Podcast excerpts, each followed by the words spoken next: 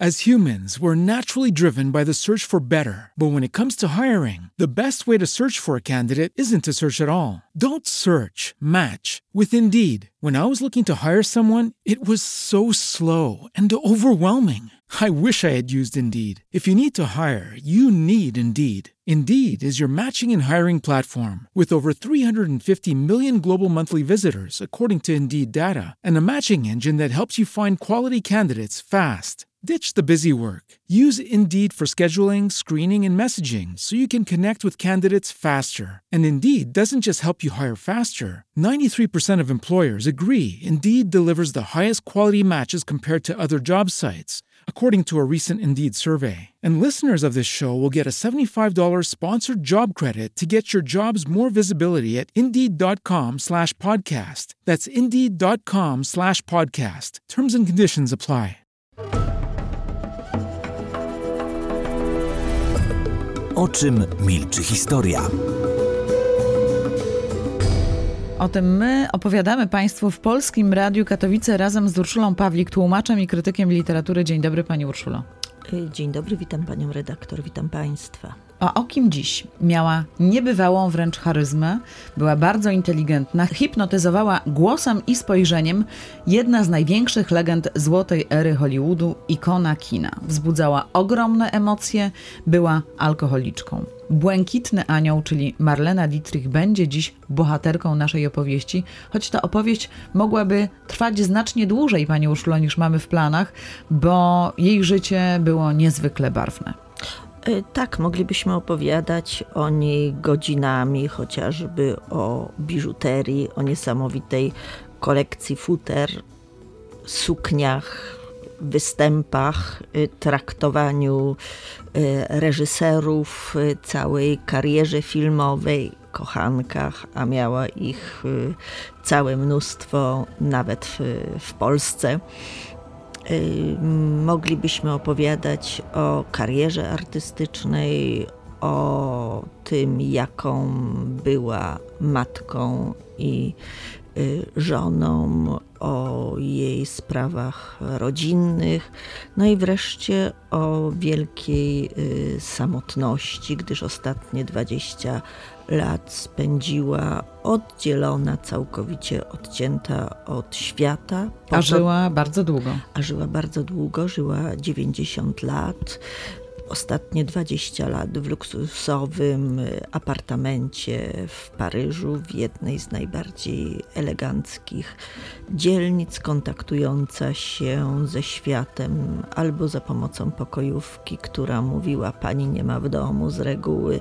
I to każdemu, kto się pojawiał, nie oszczędziło to ani Catherine Hepburn, y, ani Rity y, Hayward, ani wielkich tego świata, a drugą osobą, która ją odwiedzała, była jej y, córka, z którą nie miała za dobrych kontaktów, gdyż bardziej interesowała ją, o czym zawsze mówiła otwartym y, tekstem jej kariera filmowa i publiczność do dzieci nie miała cierpliwości, zresztą po bardzo ciężkim porodzie który zakończył się krwotokiem, który o mało nie kosztował jej y, życia. Dietrich nie mogła już mieć więcej dzieci. W tym czasie samotności, o którym pani wspominała pod koniec życia, kontaktowała się też ze światem przez telefon. Podobno płaciła 3000 dolarów miesięcznie za rachunki za telefon, a to były czasy, kiedy już specjalnie nie powodziło jej się zbyt dobrze finansowo. Y, jeżeli chodzi o y, rachunki, to podobno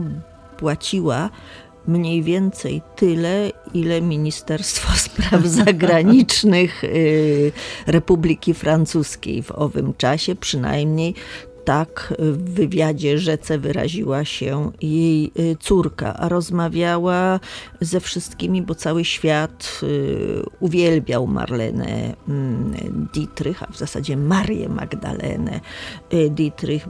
Jej rozmówcami byli Gorbaczow, z którym się przyjaźniła. Ronald Reagan. Ronald Reagan ostatni swój telefon z Białego y, Domu wykonał właśnie do Paryża, y, do Marleny Dietrich. Częstą rozmówczynią była księżniczka Małgorzata, siostra królowej Elżbiety. Od czasu do czasu podobno też rozmawiała z królową Elżbietą, która była i podobno pozostała y, wielbicielką jej y, talentów, jej filmów. Do rozmówców należał François Mitterrand. No tu akurat połączenie nie było zbyt kosztowne. Nie było zbyt kosztowne. W Stanach Zjednoczonych znakomici reżyserzy. Często rozmawiała z Grace y, Kelly, którą również bardzo sobie y, ceniła i swojego czasu była zaprzyjaźniona. I tę listę można cytować, cytować i cytować. To schyłek życia Marleny Dietrich, ale wróćmy do początków jej kariery. O czym milczy historia? Dziś opowiadamy Państwu o historii życia, oczywiście w dużym skrócie Marleny Dietrich. Mówimy Błękitny Anioł, bo tak naprawdę jej wielka kariera filmowa rozpoczęła się właśnie od zagrania w filmie pod takim tytułem Błękitny Anioł. Tak, film niemieckiej produkcji, który momentalnie został rozdystrybuowany na cały świat, w tym w Stanach Zjednoczonych i tak naprawdę Marlena Dietrich gra tam siebie. Zawsze to podkreślała, że mogła odnieść sukces tylko dlatego, że powierzono jej rolę artystki kabaretowej. Cóż to jest? Bardzo tragiczna historia y, profesora y, gimnazjum, który znajduje w zeszycie jednego z uczniów y, fotografię artystki kabaretowej Loli Loli. Lola Lola jest tancerką, śpiewaczką, no i prostytutką, co jest zawoalowane za jej karierą artystyczną. Profesor traci głowę, a ona się nim bawi jak y, kot y, myszką. Kolejne role przyniosły jej jeszcze większy rozgłos, tak duży, że pozostaje wciąż jedną z najsłynniejszych aktorek XX wieku i ikoną kina. Trafiła na listę najlepszych aktorek wszechczasów. W pierwszej dziesiątce się znalazła. Listy przygotowanej przez Amerykański Instytut Filmowy, ale nigdy nie dostała Oscara, mimo że była nominowana tak, do tej jedną nominację Oscara dostała, natomiast dostała Nagrodę Akademii Filmowej za y, całokształt kształt y, twórczości. Zagrała w bardzo wielu filmach, y, Między innymi Hitchcock był jednym y, z reżyserów. Zagrała przecudowną rolę wdowy, świadek oskarżenia, wdowy po niemieckim oficerze, naziście, w której była niesamowita. Niemniej ona bardzo wcześnie zauważyła, że kamera jest taką wielką pułapką, która bardziej rozbiera niż zasłania pewne mm, rzeczy i y, w czasie wojny, ponieważ była wielką i zagorzałą przeciwniczką Hitlera i całego nazizmu. Nie bała się o tym mówić, nie była bała się ba- bezwzględna tym. i bardzo stanowcza w swoich poglądach. Tak, nawet y, gdy się y, dowiedziała, że szwagier jej pracował w jednym z obozów koncentracyjnych, natomiast y, żona mu y, towarzyszyła i nie miała nic naprzeciwko temu, gdy siostry y, spotkały się po wojnie i doszło do rozmowy która jest zarejestrowana, bo doszło w obecności brytyjskiego oficera, notabene Żyda, ta jej powiedziała, ależ Marlene, czego ty się czepiasz? Myśmy tylko wykonywali rozkazy. I to był y, ostatni moment. W tym momencie Dietrich się obraca i mówi, panie oficerze, ja już nie mam siostry. W papierach rzeczywiście muszę potwierdzić jej tożsamość. To jest Elizabeth Dietrich, ale proszę mnie z nią więcej nie kojarzyć. No i właśnie w czasie wojny zaangażowała się w pomoc dla amerykańskich żołnierzy. Y, jeździła do nich, na, była na wielu frontach II wojny światowej, śpiewała, zresztą y, potrafiła tam spać w tak trudnych warunkach, w jakich y, przebywali tam żołnierze. Tak, ona nie bała się, może bała się frontu, ale pokazywała się na froncie, pokazywała się w szpitalach polowych, także występy Dietrich nigdy nie były na tak zwanym głębokim y, zapleczu. Zawsze była tam, gdzie się y, coś y, działo. Była bardzo zaprzyjaźniona z Patonem, zresztą była kochanką generała Patona i wszędzie z nim jeździła. Paton jej zawsze mówił: Marlena, ja ci nie potrafię zapewnić bezpieczeństwa. No mówi: Mnie nie o to chodzi, ale środek transportu na front potrafisz mi zabezpieczyć. No, no to rusz szanowną, mając na myśli określoną część y, ciała, i rzeczywiście po całym froncie jeździła, śpiewając, trzymając y, za rękę. Jest taki bardzo wzruszający, bardzo wstrząsający opis, jak umierał młody chłopak. Ona akurat y, była w pobliżu.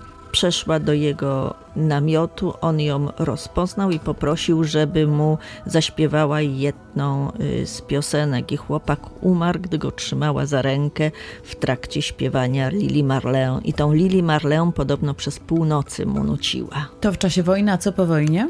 O czym milczy historia? Marlena Dietrich po wojnie sporadycznie grała w filmach, skupiła się bardziej właśnie na karierze muzycznej. E, no i w czasie jednego z występów miała wypadek, który był dla niej dość niefortunny w skutkach, e, zwłaszcza, że no to powszechnie wiadomo, Marlena bardzo lubiła pić. Tak, Marlena zaglądała do kieliszka już w owym czasie major.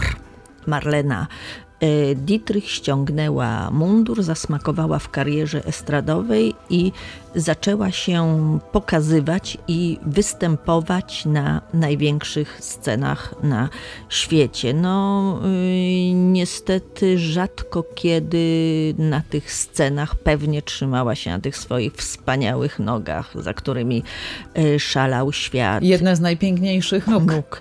Do pierwszego wtedy. wypadku doszło w w trakcie koncertu Wiesbaden, y, gdzie diwa bardzo chwiejnym krokiem schodziła po swoim recitalu ze sceny, potknęła się, tak nieszczęśliwie upadła, że y, złamała obojczyk. Ale to jeszcze nie był najgorszy Ale wypadek. Ale to nie był najgorszy y, wypadek.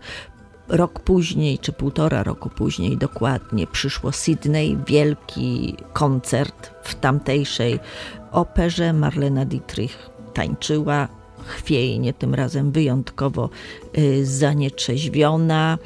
Mm, Wpadła do, do tego stopnia, że przekroczyła tą zaklętą granicę między przepaścią, między kanałem, czyli orkiestronem, gdzie siedziała orkiestra i spadła w dół potwornie się y, kiereszując, miała złamanie bardzo skomplikowane kości udowej i to już był koniec jej kariery. Do końca chciała być bardzo piękna i sexy. Sztuczne rzęsy sprowadzała z Kopenhagi, a podobno, mając ponad 60 lat, występowała wciąż na scenie w bardzo obcisłych y, sukniach i ponoć przypinała sobie, naciągała skórę twarzy i przypinała ją igłami, wbijając je w czaszkę. Dopiero potem nakładała perukę, a rany potem traktowała antybiotykiem. Część y, mówi, że były to y, igły, druga część mówi, że to były wręcz agrafki. No tak, y, bo agrafka lepiej trzyma, agrafka prawda? lepiej trzyma. Nigdy nie poddała się żadnej operacji y, chirurgicznej. Miała niezbyt y, piękny nos, którego jednak nie było widać, bo pierwszy reżyser nauczył ją ustawiania się w odpowiednim świetle. Tak, żeby była I piękna. Marlena Dietrich, chodząc, wchodząc na plan, zawsze osobom, które były odpowiedzialne za oświetlenie, doprowadzała ich do szewskiej pasji, bo wszędzie, w każdej scenie, którą miała grać, ćwiczyła tak, żeby być odpowiednio oświetloną. I przygotowanie do sceny trzyminutowej potrafiło trwać trzy godziny. No i podobno bardzo pilnowała, żeby nikt nie robił jej zdjęć z odległości mniejszej niż dwa metry, zwłaszcza wtedy właśnie, kiedy była już mocno dojrzałą kobietą. Tak, i w latach 70. w ogóle był zakaz y, fotografowania jej. Nie wolno było fotografować Marleny Dietrich. W jej e, historii życia są dwa akcenty polskie cebulskie, ponieważ pojawiła się w Polsce, występowała tutaj i poznała się nawet ze Zbyszkiem Cebulskim, bardzo chciała go poznać. E, no ale to już jest historia na to inną już opowieść. jest y, historia na inną opowieść. Podobno to spotkanie, do którego y, doszło, zakończyło się bardzo krótkim romansem. Czy jest to legenda, czy nie. Niemniej Dietrich prowadziła bardzo skrupulatnie y, buchalterię swoich kochanków. No właśnie, powiedzmy I- jeszcze jednym zdaniem o tym dzienniku, bo po jej śmierci przyjechały jej rzeczy, było ich 25 ton i wśród nich był dziennik, który miał ile stron? 45 tysięcy stron. Bardzo skrupulatnie zapisywała czego duża część to była buchalteria tychże e, kochanków No właśnie, i czy tam był figurują tam dwa nazwiska. Jeden to, jedna to jest nazwisko właśnie Cybulskiego, a e, drugie nazwisko to jest polskiego ambasadora przedwojennego e, w Niemczech, który również kampanię skończył w stopniu e, majora i którego potem po latach, jak się włóczyła po frontach świata, poznała i zawsze mówiła, że był to jeden z najbardziej ognistych kochanków w jej życiu. Niezwykła kobieta, niezwykłe życie, niezwykła historia, ikona kina, jedna z największych legend złotej ery Hollywoodu, wyjątkowo piękna kobieta, błękitny anioł, czyli Marlena Dietrich. A właśnie o nim, o błękitnym aniele opowiadała dzisiaj w Radiu Katowice Urszula Pawlik. Dziękuję bardzo Pani Urszulo. Dziękuję bardzo, do widzenia. Agnieszka Strzemińska, do usłyszenia. O czym milczy historia? As humans, we're naturally driven by the search for better. But when it comes to hiring, the best way to search for a candidate isn't to search at all. Don't search, match with Indeed. When I was looking to hire someone, it was so slow and overwhelming. I wish I had used Indeed. If you need to hire, you need Indeed. Indeed is your matching and hiring platform with over 350 million global monthly visitors, according to Indeed data, and a matching engine that helps you find quality candidates fast. Ditch the busy work. Use Indeed for scheduling, screening, and messaging so you can connect with candidates faster. And Indeed doesn't just help you hire faster. 93% of employers agree Indeed delivers the highest quality matches compared to other job sites, according to a recent Indeed survey. And listeners of this show will get a $75 sponsored job credit to get your jobs more visibility at Indeed.com slash podcast. That's Indeed.com slash podcast. Terms and conditions apply.